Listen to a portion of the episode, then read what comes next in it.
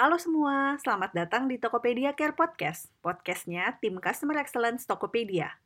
Kenapa podcastnya tim Customer Excellence? Well, karena Tokopedia Care berada di bawah naungan Direktorat Customer Excellence di Tokopedia. Di podcast Tokopedia ini, kita akan ngobrol dengan nakama di belakang layar Tokopedia Care, terutama mengenai pengalaman mereka membangun customer experience dan memberikan pelayanan terbaik untuk toppers.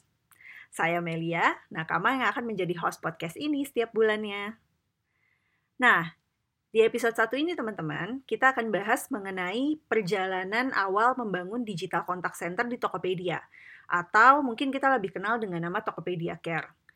Pembahasan kita mulai dari visi dan evolusi timnya ketika awal terbentuk hingga saat ini menjadi rumah lebih dari 1.500 nakama nih terus juga tantangan yang dihadapi ketika membangun tim customer excellence, dan juga prediksi perkembangan customer experience ke depannya. Oke, teman-teman, hari ini kita akan ngobrol sama narasumber nih yang memiliki peran besar membangun tim customer excellence di Tokopedia, karena beliau adalah nahkodanya. Kita kedatangan bintang tamu Pak Rudi Dalimunte, Senior Vice President of Sales Operation and Product and Customer Excellence di Tokopedia. Halo Pak Rudi. Hai Mel, hai semuanya. Happy to be here. Apa kabar nih Pak? Lagi sibuk apa sekarang? Baik, baik Mel. Uh, sangat oke okay gitu ya. Uh, selalu penuh tantangan. Uh, sekarang lagi sibuk selain juga tetap manage tim customer excellence. Uh, ada kebagian tugas baru gitu ya untuk managing juga uh, tim digital business sama tim new retail gitu. Dan that's another challenge juga buat saya sih. Hmm, oke. Okay. Jadi nambah ya Pak responsibility-nya ya? Betul. Tapi tetap customer nomor satu ya Pak ya? Pasti dong, karena kan kita harus start from the customer and move backward ke teknologi, produk, dan juga operations. Oke, Pak, mungkin sebelum saya masuk nih ke pembahasan selanjutnya ya mengenai tim customer customer excellence di Tokopedia nih, Pak. Hmm. Uh, saya mau Bapak perkenalan dulu nih, Pak, mengenai diri Bapak gitu. Untuk teman-teman di sini yang mungkin baru mengenal Pak Rudi Dalimunte nih dan cerita gimana sih sampai akhirnya Bapak bisa end up berkarir di dunia customer experience? Oke, ini saya cerita dikit ya perjalanan karir mungkin di awal sampai saya uh, tanda kutip kecebur di sini gimana sih gitu. Jadi uh, awal karir saya itu even nggak nyambung sama sekali gitu ya, mungkin kurang dari setahun lah ya, hampir setahun saya jadi uh, sport news reporter juga di salah satu televisi swasta di Indonesia. Um, abis dari sana saya mikir nih, wah kayaknya sayang juga nih ilmu saya nggak pakai gitu ya kuliah empat uh, tahun gitu ya uh, pengen rasanya mengimplementasikan apa yang udah saya pelajarin dan jadi hasil yang kayaknya juga bisa saya banggakan gitu. Nah, apa namanya tahun-tahun itu tuh lagi ngetop tuh kayak misalnya anak anak-anak yang jurusan misalnya accounting gitu ya, oh masuk itu adalah ke big accounting firm gitu ya, atau mau jadi MT di satu perusahaan besar gitu ya multinasional, atau masuk jadi consulting uh, apa namanya associate di salah satu perusahaan konsultan besar. Nah, uh, akhirnya saya ikut deh, ikut ikut jalur mainstream gitu ya, masuk ke salah satu uh, accounting firm atau misalnya uh, big auditor firm juga di Indonesia saat itu gitu ya, Ernst Young. Nah di sana tuh saya belajar banyak juga gitu ya. Um, hampir kayaknya saya ikutan bantu rilis 25 uh, uh, company lebih financial statementnya gitu ya. Uh, belajar banyak karena di sana benar-benar dari bawah banget gitu ya, uh, how we can understand the business, how we can understand also the customer, Ya, understand risk juga gitu ya dan uh, tahu sebenarnya uh, setiap industri itu tantangannya berbeda-beda gitu. Nah, buat kita yang masih baru itu kan fondasi yang sangat-sangat bagus gitu ya. Walaupun jam kerjanya luar biasa juga gitu ya. Hampir mungkin tidur tuh sehari cuma kayak 3 sampai 5 jam, habis itu udah uh, kita siap beraktivitas lagi gitu. Nah, habis itu dari lima tahun di sana, saya move ke company gitu. Pengen deh kayak agak settle down dikit gitu ya uh, apa namanya uh, more into uh, real action nih ada di depan gitu di perusahaan nggak jadi di belakang jadi konsultan atau jadi auditor lagi gitu. Jadi pindah tuh ke perusahaan telekomunikasi saya pindah ke Excel Axiata saat itu gitu ya. Nah spend di sana tuh lumayan lima tahun juga. Nah di situlah titik di mana kayaknya ada kayak apa ya um, turning point juga kalau saya move nih dari comfort zone saya gitu ya di dunia uh, apa namanya uh, audit gitu ya di dunia risk management. Uh, itu move ke area yang lebih into real action lagi nih ketemu sama customer langsung gitu. Jadi dua tahun saya di situ sebenarnya pertama kali itu masih di area yang sifatnya corporate audit nih. Uh, ngebantu perusahaan untuk ngasih assurance prosesnya udah benar atau belum gitu ya. Tapi di tiga tahun terakhir, uh, kita di-challenge nih, kamu kalau misalnya mau naik ke misalnya general manager position itu nggak bisa punya expertise di satu line doang gitu, di satu lini aja gitu.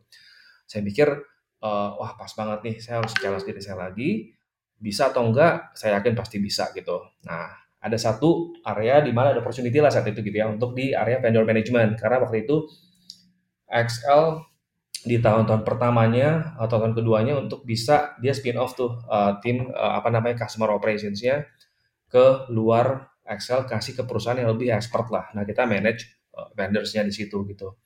Di situlah saya belajar banyak tentang customer experience, tentang customer operations, dan ya udah habis itu udah mulai tuh uh, journey-nya uh, fokus ke area itu gitu ya, move ke another telco lagi ke Indosat, di hijack untuk bisa build customer experience team di sana juga.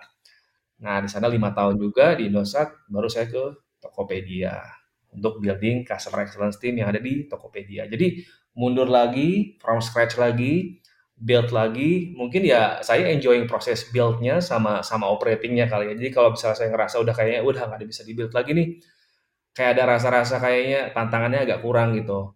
Jadi kayaknya yang membuat hidup kita lebih berwarna justru tantangannya itu gitu. Itu sih menurut saya.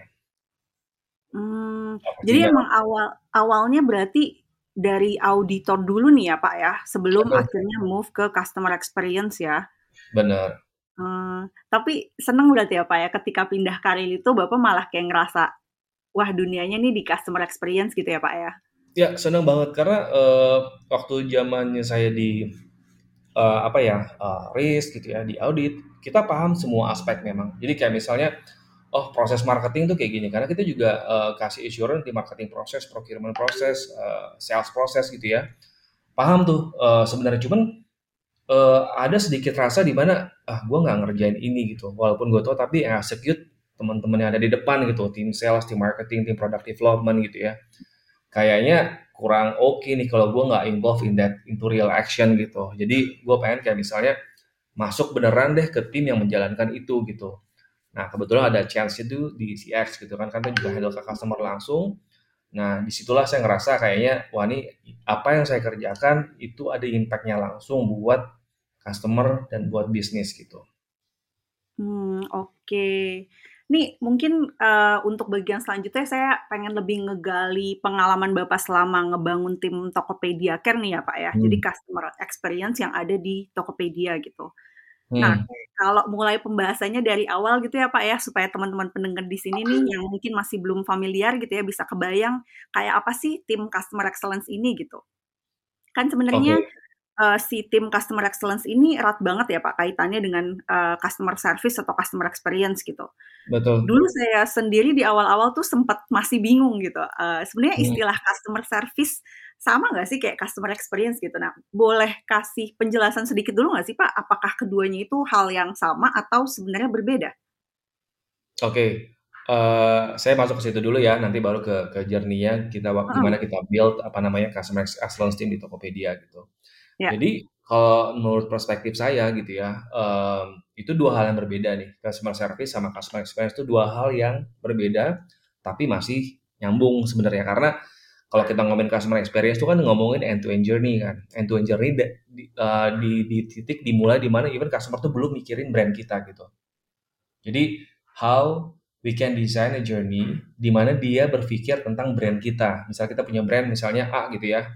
To make them think tentang kalau dia nyari sesuatu tuh harusnya nanti top of mind-nya A itu gimana caranya. Sampai nanti dia apa namanya uh, consider the purchase gitu ya dia beli, dia daftar, dia gunakan produknya gitu ya. Nah, dia akhirnya ada after sale service-nya dia komplain atau misalnya dia nanya-nanya tentang produknya sampai dia stay jadi customer yang loyal di brand itu tuh gimana cara itu kan end to end journey masih didesain kan A sampai Z lah.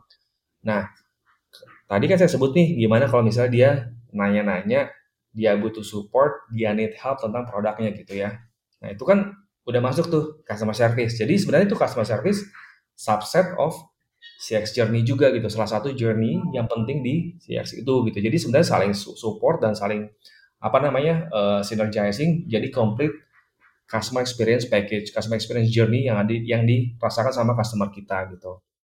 Gitu. Jadi uh, kalau tadi ngomongin journey itu kan encompassing like uh, end to end kan yang terlibat di dalamnya kan kalau di depan ada ada tim marketing communication corporate communication ada tim IT ada tim teknologi ada tim customer service ada tim product development gitu ya macam-macam lah hmm. jadi semua tim tuh harusnya punya keterkaitan yang besar untuk build the best customer experience gitu jadi nggak cuma CS.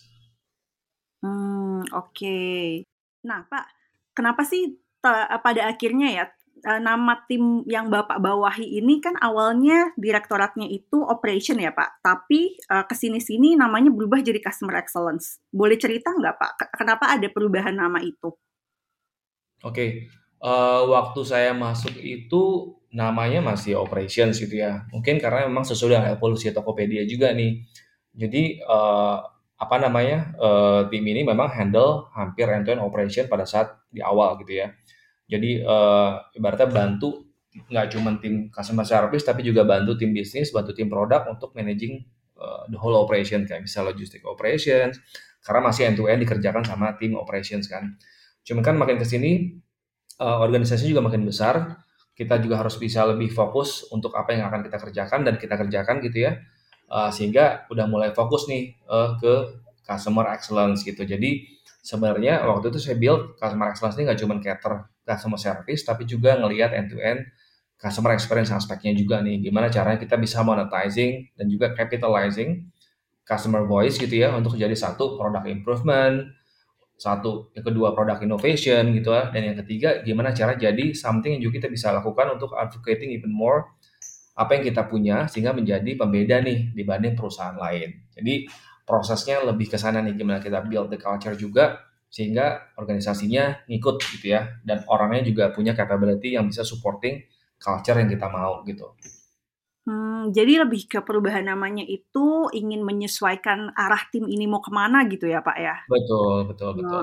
Okay. Kan harus excellence kan untuk, yeah. untuk bisa kasih kesan mendalam nih buat customer. Jadi kalau kita ngelihat kan yang namanya promo, produk, teknologi ya pasti akan bisa di copy, bisa disamain gitu ya. Tapi gimana pengalaman pelanggan sama orang yang ada di Tokopedia sama nakama sama tim CS-nya gitu ya itu hmm. nggak hmm. bisa di copy gitu karena saya selalu uh, apa namanya yakin bahwa setiap interaction setiap uh, communication setiap ketemunya tim kita gitu ya sama sama customer itu sesuatu yang akan selalu berbeda dan nggak pernah sama setiap harinya gitu even kita punya mungkin ratusan ribu atau puluhan ribu komplain gitu ya setiap hari gitu ya nggak ada yang komplain exactly benar-benar sama interactionnya antara satu orang dengan uh, tim CS kita gitu. Jadi di titik itulah sebenarnya momentum atau moment of truth juga gitu ya kita bisa mendeliver pembeda nih uh, sehingga orang pulang atau orang selesai interaction tadi ngerasa wow ini merupakan reason gue nih untuk berbelanja di Tokopedia gitu. Jadi mimpinya ke sana gitu Mel. Hmm, oke. Okay. Nah, berarti Pak itu related sama visi yang pengen dicapai oleh tim customer excellence ini berarti ya Pak? Betul. Kalau misalnya boleh dijelasin lebih detail nih Pak, ketika Bapak membangun tim customer excellence ini, apa sih Pak sebenarnya visi yang ultimate goal gitu yang pengen Bapak capai gitu dari dari tim ini nih? Oke, okay, uh, eh, kalau ngomongin kayak visinya tim customer excellence, kita juga harus reflect balik nih, gimana gimana pun juga kan sebenarnya visi yang ada harus mendukung visi utamanya kan, di mana kita bisa menciptakan ekosistem di mana orang bisa memulai dan menemukan apa pun. Yang kedua juga misinya adalah bisa men demokratisasikan ekonomi secara digital gitu kan.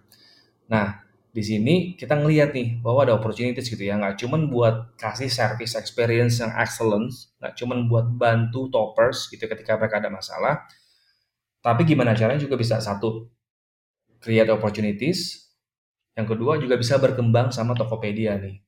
Nah, itulah juga sebenarnya juga misinya apa namanya uh, visinya juga yang ada di customer excellence yaitu kalau bisa saya recap dari satu kalimat gitu ya to become toppers best friend gitu ya sahabat terbaik toppers yang reliable yang bisa deliver best experience, create opportunities, dan juga grow together with Tokopedia. Nah, ini selalu tertanam gitu ya di kepalanya semua nakama di Tokopedia ketika dia ketemu sama customer, khususnya nakama yang ada di customer excellence gitu ya ini harus jadi visi utamanya mereka gitu karena mereka nggak cuma jadi helping orang ketika ada problem tapi jadi brand ambassador juga kan ngasih opportunities nih kenapa nggak buka toko kenapa nggak pakai misalnya produk-produk kita kayak top ads gitu ya untuk bisa lebih gampang ditemukan sama pembelinya dan juga opportunity lain yang mungkin membuat dia bisa grow lebih baik lagi nih as a business dan juga as a buyer gitu. Gitu Mel. Hmm, oke. Berarti emang uh, visi ultimate ya tetap uh, melayani uh, customer tadi ya Pak ya. Maksudnya Ya. uh, tapi gimana bisa bikin end to end experience yang ngedukung visinya Tokopedia juga nih melalui uh, tim customer excellence ini ya. Betul, Kalau betul. Oke, Pak, ini kan saya juga pernah mendengar nih bahwa uh, bukan pernah mendengar ya karena saya di sini juga sebenarnya gitu. Bahwa di Hmm. sini tuh kita ngebangun yang namanya digital contact center gitu ya, Pak. Mungkin Iya, iya. bo- bisa disampaikan sedikit nggak sih Pak sebenarnya apa yang membedakan Tokopedia Care as digital contact center nih dengan contact center yang lainnya gitu? Oke, yang membedakan Tokopedia eh, Customer Care, Tokopedia Care dengan kontak center lainnya tuh mungkin kalau boleh saya eh, balikin lagi gitu ya ke ke ke tiga verticals gitu ya, tiga pondasi besarnya bahwa sebenarnya tim Tokopedia Care kan nggak cuma satu, nggak cuma handling komplain gitu ya, Tapi juga gimana caranya memastikan komplain tadi even bisa diselesaikan atau bisa di-prevent even sebelum itu terjadi gitu. Dan Hmm. berikutnya adalah gimana caranya create opportunities juga, nggak cuma buat Tokopedia untuk bisa deliver best product sama experience atau innovation yang baru, tapi juga build opportunity juga nih buat buyer, buat seller, gimana caranya dia juga bisa lebih baik lagi gitu ya untuk nextnya ketika dia berbelanja di Tokopedia dengan cara edukasi, dengan cara misalnya ngasih notifikasi yang oke, komunikasi yang baik di produk flow-nya gitu ya. Dan Hmm. buat seller juga bisa jadi seller yang lebih mature dan lebih advance gitu. Jadi yang tadi yang mungkin newbie nih caranya eh, apa namanya upload produk nggak tahu gitu ya, cara misalnya ngasih deskripsi produk juga kurang bagus, itu bisa kita edukasi lebih baik lagi. Jadi nextnya ketika dia berinteraksi sama Tokopedia Care gitu ya, itu udah nggak di level interaksi atau pertanyaan yang sama gitu, tapi udah next levelnya, udah next level, udah next levelnya nih. Even mungkin Hmm. nextnya dia bisa solve problemnya sendiri gitu. Jadi yang masuk ke kita tuh udah masalah yang sangat-sangat kompleks yang mungkin udah nggak bisa diselesaikan sama toppers gitu. Nah, di situlah Oke. mungkin eh, tingkat keberhasilan yang saya rasa kita achieve gitu ya. Hmm. Di situ ya membedakannya justru ya. Betul, Jadi bukan cuma melayani komplainnya doang, tapi even more than that gitu ya. betul. Jadi sebenarnya banyak kok opportunity gitu ya, eh, eh, product improvement, product innovation, new features yang kita temukan gitu ya. Berdasarkan suara-suara pelanggan ini nih kita bawa, kita formulasikan jadi insights, jadi apa namanya sedikit lebih matang gitu ya, dengan data yang cukup-cukup baik. Kita bawa ke tim produk. Nih guys ada masukan dari customer gitu ya. Kita bikin sesi juga gitu ya. Ada ada make it better session. Kita ajak nih satu meeting. Ada tim produknya, ada tim tech-nya, sama tim eh, customer experience-nya gitu ya. Sama plus yang paling penting customer-nya ada di situ gitu. Ngobrol dari perspektifnya customer, how they feel, how they perceive feature yang dibikin sama tim produk sama tech tadi menurut perspektifnya mereka gitu. Karena kadang-kadang eh, kita ngerasa udah buat produk yang paling canggih, produk paling advance, produk paling ibaratnya cutting edge lah teknologinya gitu ya. Tapi customer simple nanya, ini gimana cara registrasinya ya? Nah, itu kan ibaratnya ujung ke ujung gitu ya. Maksudnya masalah yang sangat simple yang kita rasa udah solve, tapi ternyata masih belum terpersepsikan dengan baik dari sisi pelanggan gitu. Makanya kita bikin sesi-sesi tersebut gitu ya, kita kasih kayak misalnya voice of customer juga.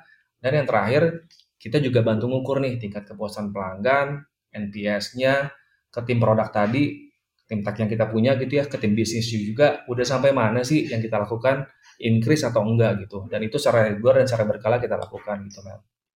Hmm, oke. Pak, mungkin related dengan hal itu nih, Kak. Tadi Bapak sempat ngomongin fondasinya gitu ya. Eh, saya ingat gitu waktu itu saya masuk Tokopedia di awal 2021 gitu ya di tim Hmm. Bapak dan itu pertama kali saya dengar eh, Bapak ngejelasin eh, piramida CX gitu. Eh, Ya. pokoknya framework piramida CX ini sering dibahas lah ketika kita eh, mendiskusikan customer experience nih.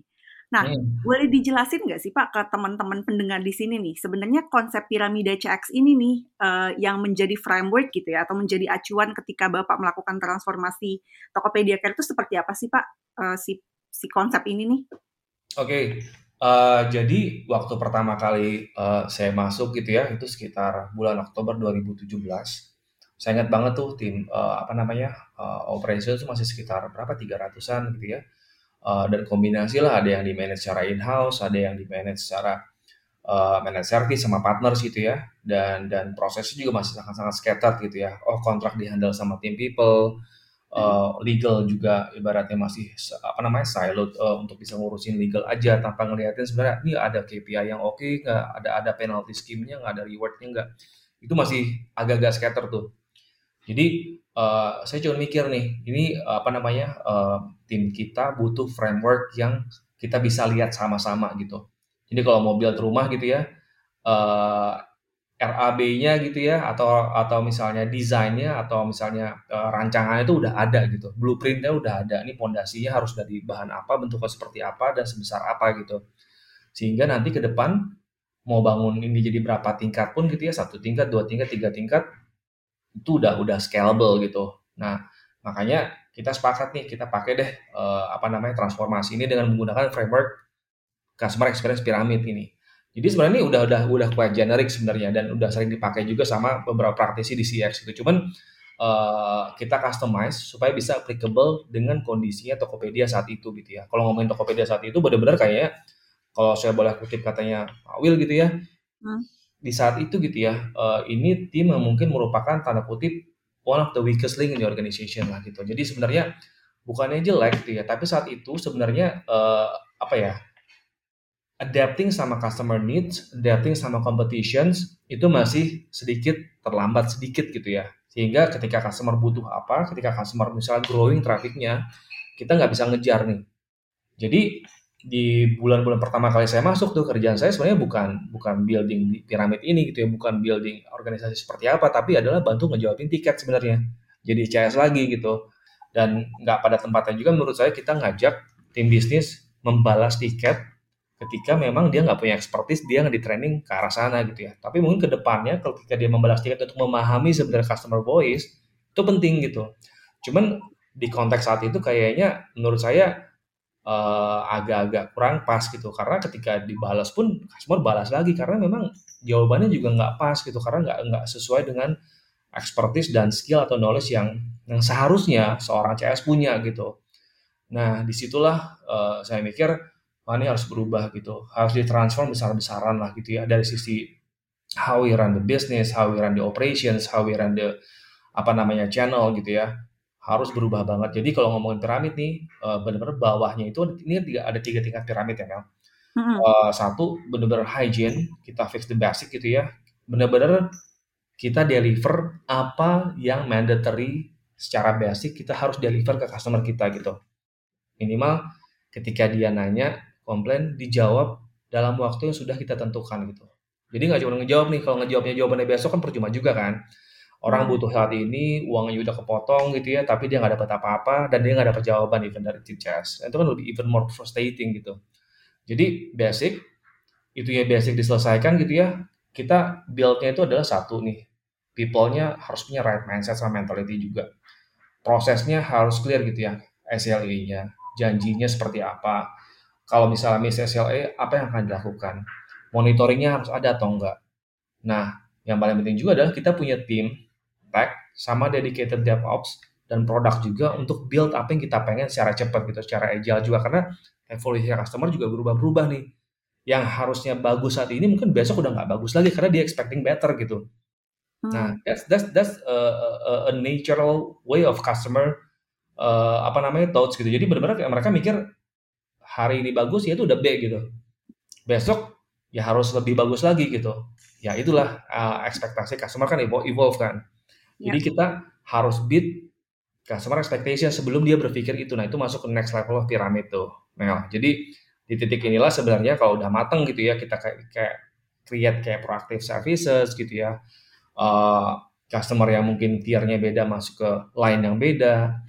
Uh, udah masuk ke boat sama automation yang human like gitu ya. Nah, kalau udah mateng basic levelnya sama second level pyramidnya baru bisa masuk ke atas nih. Gimana caranya kita ujungnya emotionally connect sama our customer. Nah, kalau udah emotionally connect nih, itu udah jadi fans tuh. Uh, udah jadi apa namanya ambassadornya kita lah ketika ada orang ngomong jelek tentang misalnya Tokopedia atau Tokopedia Care yang bela itu udah mulai banyak gitu karena dia ngerasa uh, genuine service atau authentic service dari Tokopedia Care dapat dan dia merasa jadi bagian dari keluarga Tokopedia gitu. Nah itu engagement levelnya yang udah di level uh, apa ya juara deh. Nah itu yang kita mau coba capai sih di titik puncak piramid yang tadi gitu. Hmm, oke. Berarti kalau coba saya rangkum gitu ya nih Pak, uh, hmm. perjalanannya atau apa yang ingin uh, Tokopedia Care capai gitu ya. Ujung-ujung dari ujung dari piramidnya itu adalah pengen ngebangun emotionally connected with customers ini ya Pak ya? Betul betul. Cuman pondasinya juga Mel nggak juga kita rely sama sama orang terus gitu karena nggak scalable juga jadinya gitu. Both buat customer nggak oke okay, karena namanya orang kan konsistensi itu agak susah gitu ya. Ya. Jadi uh, apa namanya walaupun untuk certain level of empathy sama emotional aspek gitu ya itu juara nggak ada yang bisa ngegantiin orang gitu ya di, di, di area tadi. Cuman to be more scalable gitu ya, supaya bisa yang mungkin less complex dan repetitive cases itu bisa di nggak perlu dilayani sama orang. Kita harus build yang namanya AI sama technology based customer experience gitu. Itu yang jadi pondasi pembeda sih menurut saya tim kita dibanding tim CX yang lain di luaran sana gitu. Karena kita fokus banget untuk build enablers, untuk build teknologi, untuk build ibaratnya namanya smart system sama AI gitu ya. Untuk customer bisa mendapatkan jawaban secara cepat, akurat, tanpa harus ketemu sama tim customer service yang orang gitu. Nah, tapi bukan berarti kita juga nutup jalan gitu ya. Nah, kita juga harus build yang namanya intelligence system. Ketika customer udah mulai muter-muter gitu ya, nggak ketemu jawaban, even sebelum dia nanya pun, tuh orang button udah mulai muncul tuh. Anda butuh support dari apa namanya assisted channel nggak? Nah, itu juga harus di-build gitu. Jadi efektif sama efisien proses kalau kita ngelihatnya gitu ya gimana cara kita bisa enabling yang namanya teknologi nah kita teknologi company gitu ya untuk bisa serve customer sebaik mungkin dengan pengalaman yang sangat-sangat luar biasa gitu ya sehingga bisa menjadi pembeda kita dengan yang lain gitu jadi orang kalau ngomong ini wah CS Tokopedia luar biasa deh gitu ya wah customer experience Tokopedia luar biasa gitu orangnya Tokopedia ketika kita ketemu berinteraksi itu juara dan beda sama mungkin perusahaan-perusahaan yang lain ada di Indonesia gitu. Hmm, oke. Okay. Berarti ketika membangun uh, fondasi sampai di ujung piramida ini sebenarnya bukan people aja ya Pak ya tadi ya po poinnya ya. Pak Rudi tapi ada Betul. di situ ada efektif proses juga dan tentunya um, apa ya mengutilisasi teknologi yang ada gitu ya Pak ya betul betul karena kan customer sebenarnya nggak butuh channel ya Mel dia butuhnya solusi gitu ya. Makanya uh, kita believe gitu ya. Kalau saya boleh reflect back lagi gitu ya tentang how we build, how we design this customer care team gitu ya, Tokopedia Care untuk jadi full digital contact center gitu ya. Itu kita nggak punya inbound channel yang call sebenarnya. Hmm, oke. Okay. Padahal nih yang kita handle itu jumlahnya per bulan bisa jutaan gitu. Uh -uh. Dan itu bukan satu hal yang mudah gitu sangat-sangat kompleks. Karena kita basically C2C dan at some point juga B2B2C kan. Kadang-kadang enablers ataupun misalnya eh, apa yang kita deliver itu bukan produknya kita. Logistik company juga kita pakai uh, partner kita gitu ya. Kadang-kadang untuk payment kita juga kerja sama-sama bank gitu ya, sama fintech company. Untuk partner-partner digital kita juga harus kerja sama-sama agregator.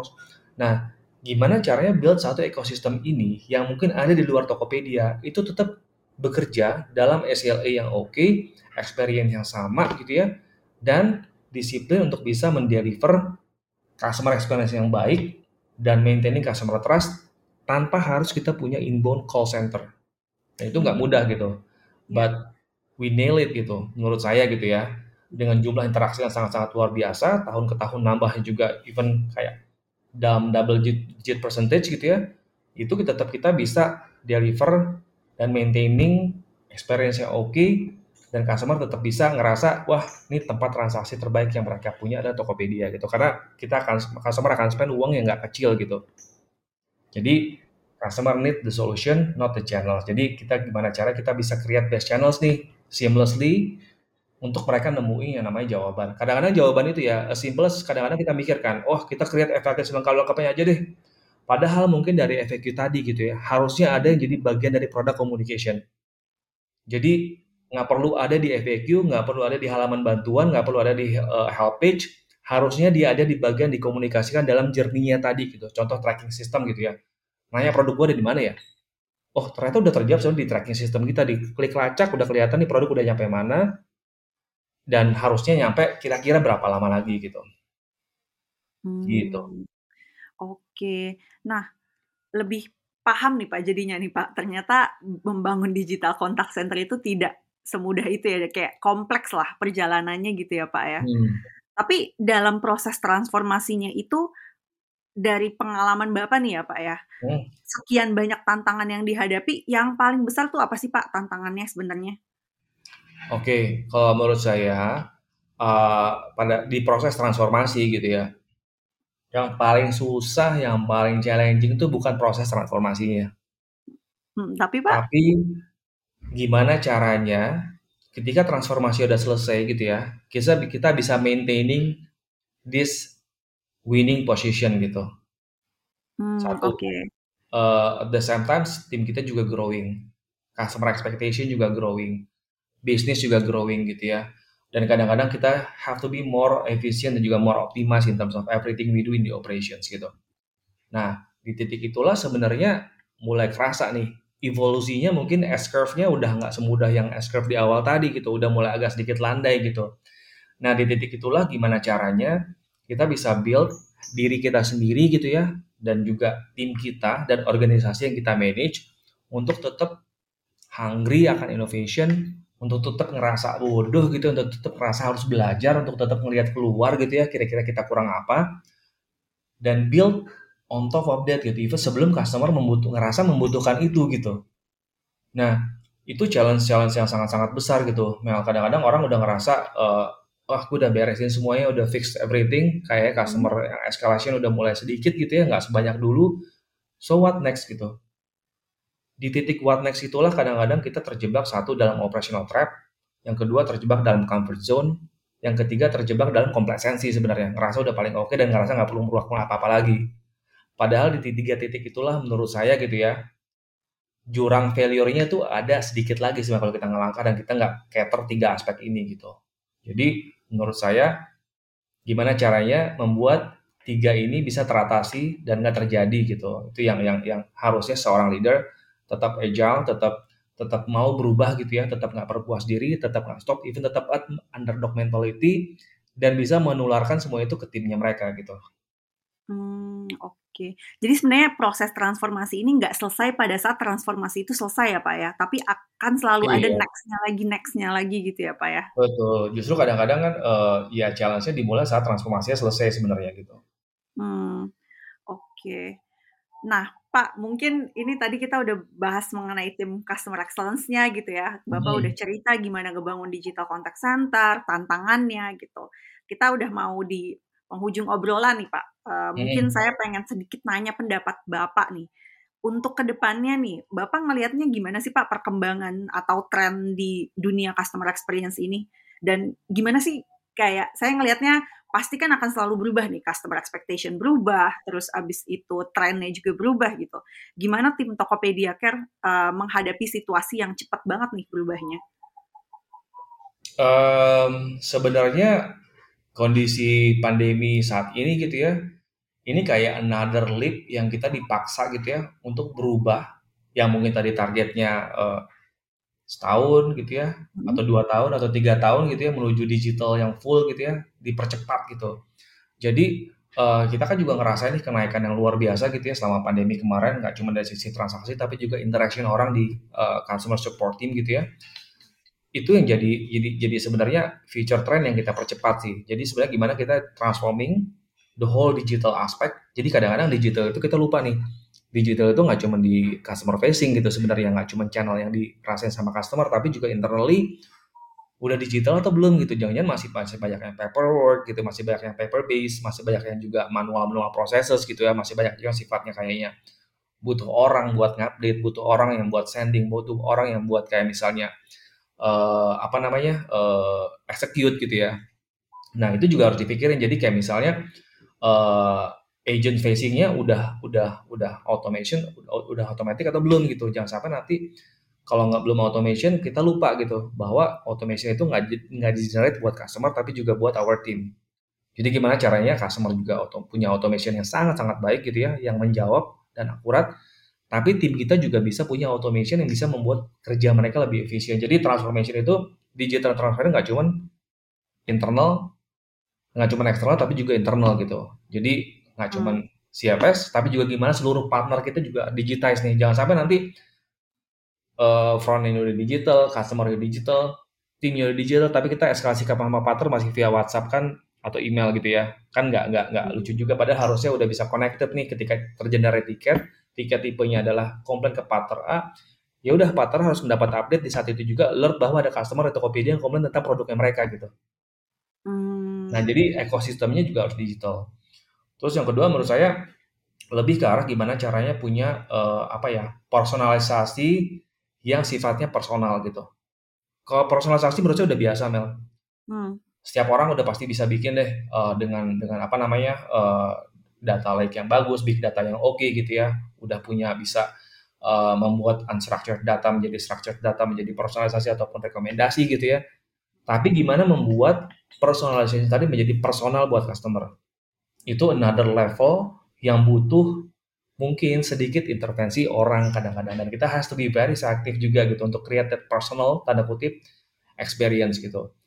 Uh, jadi ketika dia ngerasa udah uh, apa namanya, contoh ya, gue masuk ke, ke ke ke misalnya ke Tokopedia, mau punya punya kendala A gitu ya. Ketika masuk ke Tokopedia, ke halaman bantuan udah kedetek nih. Oh, invoice yang terakhir ini potensi masalahnya adalah A, B, C, dan D, jawabannya ini gitu.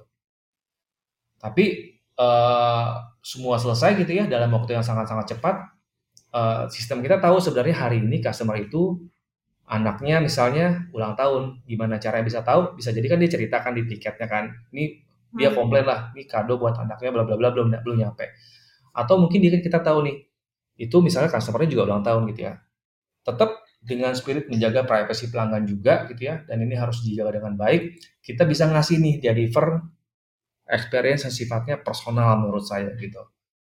Jadi gimana caranya sifat uh, apa namanya area-area service atau feature yang sifatnya uh, biasa atau komoditi gitu itu menjadi luar biasa gitu ya. Ya contoh deh kayak misalnya minum kopi kenapa harus di Starbucks sih?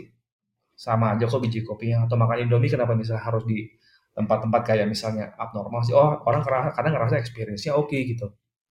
Nggak cuma hmm. experience, tapi ketika gue di sana ngerasa, wah, homey, personal, dan ketemu orang yang kayaknya, wow lah ngobrolnya gitu. Jadi, uh, personalization that that create a personal experience itu juga jadi kayak make or break requirement. Dan yang ke depan yang pasti adalah yang more on the omni channel kan gimana caranya ketika dia berinteraksi sama kita itu nggak cuman kayak masuk ke pusat bantuan tapi ke semua tempat yang dia juga punya dan dan dia ngerasa harusnya brand kita ada gitu ya atau Tokopedia ada dia bisa menyampaikan pertanyaan ataupun misalnya uh, kendala yang dihadapi terselesaikan dengan baik gitu.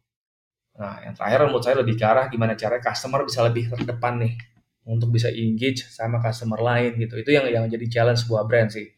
Karena once a brand itu bisa punya customer base atau advocator base yang sangat-sangat bagus gitu ya, even nggak butuh CS kok atau nggak butuh tim customer operations buat atau customer engagement buat belain untuk menjawab pertanyaan pelanggan. That's the beauty kan kalau misalnya ada pelanggan lain ngebantu pertanyaan pelanggan lain gitu. Karena saat ini kan era rekomendasi kan orang mau beli produk itu sebenarnya lebih percaya orang lain yang ngomong atau komen atau reviewnya orang lain dibanding uh, brandnya sendiri yang menjelaskan kan atau sales teamnya sendiri yang menjelaskan gitu jadi makanya di Tokopedia kan kita juga ngeliat tuh review-review processes itu jadi satu yang mungkin eh, sangat-sangat dilihat sama customer sebelum dia, sebelum dia membeli produk itu kan nah itu yang juga kita apa namanya empower dan kita encourage gitu. Hmm, oke. Okay. Jadi sebenarnya in a way kayak harmonizing antara si teknologi atau ekosistem digital ini dengan tetap memberikan human experience yang personal tadi gitu ya Pak ya? Betul. Ya, oke. Okay. Nggak kerasa nih Pak, udah itu sebenarnya pertanyaan terakhir dari saya gitu. Jadi kita udah sampai di penghujung obrolan di episode kali ini nih Pak. Mungkin sebelum saya tutup, dari Pak Rudi ada pesan penutup nggak nih Pak untuk teman-teman pendengar ataupun nakama yang lagi dengerin Toko Care Podcast ini dan jadi tertarik nih Pak pengen berkecimpung di dunia customer experience, apa nih Pak tips and triknya? Mereka harus mulai mulai dari mana sih kira-kira? Oke, ini pertanyaan saya masuk juga nih uh, ke saya Mel. Kalau saya mau berkecimpung di dunia CX tuh apakah bisa ya dengan background saya misalnya yang mungkin nggak customer related uh, function gitu sebelumnya. Menurut saya bisa gitu ya. Jadi orang yang paham tentang customer, jadi orang yang paham tentang uh, apa namanya uh, apa ya uh, yang uh, partner kita butuhkan gitu ya atau klien kita butuhkan atau even customer kita butuhkan itu bukan rocket science kok gitu ya. Uh, gue selalu bilang ke, ke ke tim juga gitu ya bahwa listening process itu bukan proses untuk mereply atau membalas tiket atau membalas apa yang ditanyakan, tapi untuk satu memahami apa yang disampaikan gitu ya sehingga nggak cuma ngebales, nggak cuma ngasih jawaban, tapi make sure juga ke depannya itu pertanyaan nggak berulang gitu. That's listening gitu menurut saya. Listen to understand gitu, not listen to reply gitu. Jadi, makanya kita selalu punya konsep kan, sahabat terbaik toppers gitu ya. Jadi, kalau misalnya teman-teman ngerasa udah bisa jadi sahabat yang baik buat orang lain, buat keluarganya, buat adiknya, buat kakaknya, even buat temennya gitu ya, sebenarnya udah punya fondasi yang besar gitu untuk bisa berkecimpung di dunia ini. Karena memahami customer journey tadi kan dari awal sampai akhir tuh it's about customer gitu ya. Customer persona, customer perspective, customer apa namanya feedback menjadi sebuah sistem, model, desain yang kita balikin lagi nih uh, inside out perspektif jadi sebuah service, jadi sebuah produk yang mengkombinasikan insight yang sebenarnya outside in tadi gitu. Kita balikin lagi, balik lagi, keluar lagi, akhirnya jadi ketemu nih. Nah itu kan juga evolve nih yang namanya experience sama expectation kan. Jadi uh, saya cuma mau nyampein nih teman-teman yang ada di customer service teman-teman yang ada di industri uh, apa namanya profesi CX gitu ya itu harus bangga sama kerjaan kalian. Ini bukan lagi uh, kerjaan yang sebenarnya uh, back office kerjaan yang yang sifatnya hanya reaktif ngebalasin komplain kerjaan yang mungkin tanda kutip nggak terlalu berkelas gitu ya dibanding misalnya produk dibanding misalnya tech enggak ini bergengsi berkelas gitu ya karena orang pertama satu ya yang ber, berkomunikasi sama pelanggan itu adalah teman-teman. Ngedengerin kata-kata pelanggan keluhan pelanggan masukan pelanggan itu adalah teman-teman. Orang yang paling tahu semua produk di company ini itu siapa? Itu teman-teman mungkin setiap tim bisnis ngerasa gitu ya, gue tau produk gue, tapi apakah dia tahu produk-produk lain? Nggak, belum tentu. Hmm. Sedangkan tim customer experience itu tahu semuanya gitu ya, tentang misalnya produk knowledge-nya, produk detail, even apa yang harus diimprove gitu. Jadi, kalau kita bisa membuat proses ini sih ada di center of the business gitu ya, ini perusahaan akan sangat-sangat sustain even sampai ratusan tahun ke depan gitu. Jadi nggak hanya memikirkan jangka pendek dari sisi bisnis, dari sisi harga saham gitu ya, tapi sebenarnya customer-nya maunya apa gitu. Customer kan banyak ya Mel. Employee itu juga customer. Partner iya. kita juga customer gitu ya. Dan end user kita dalam case Tokopedia adalah buyer sampai seller itu juga customer gitu. Nah, membuat voice semua orang tadi ada di day to day bisnisnya kita itu adalah resepi menurut saya membuat perusahaan itu bisa eksis sampai even ratusan tahun ke depan gitu. Nah, apa nggak kurang oke okay tuh uh, profesi gitu ya. Jadi be proud of it gitu ya. Ini ibaratnya the future of profession yang akan sangat-sangat ada ke depannya gitu ya. Karena yang sifatnya mendengarkan, empathy itu jadi satu skill set menurut saya yang melengkapi problem solving skill yang teman-teman punya gitu. Karena problem solving dengan empathy gitu yang pas gitu ya. Itu udah kayak ramuan yang menurut saya jadi kayak you hit the nail on the head lah menurut saya gitu. Hmm. Gitu. Okay. Nih saya catat baik-baik nih Pak. Listen to understand, not to reply. Gitu. Terus di sini berarti poinnya yang kita listen itu nggak cuman um, user kita gitu ya, tapi semua oh. elemen yang ada dalam organisasi, employee, partner gitu, including buyer atau seller gitu. Pokoknya semuanya ya Pak ya. Iya dong, karena kan only happy employee can deliver happy customer kan. Ya, setuju-setuju Pak.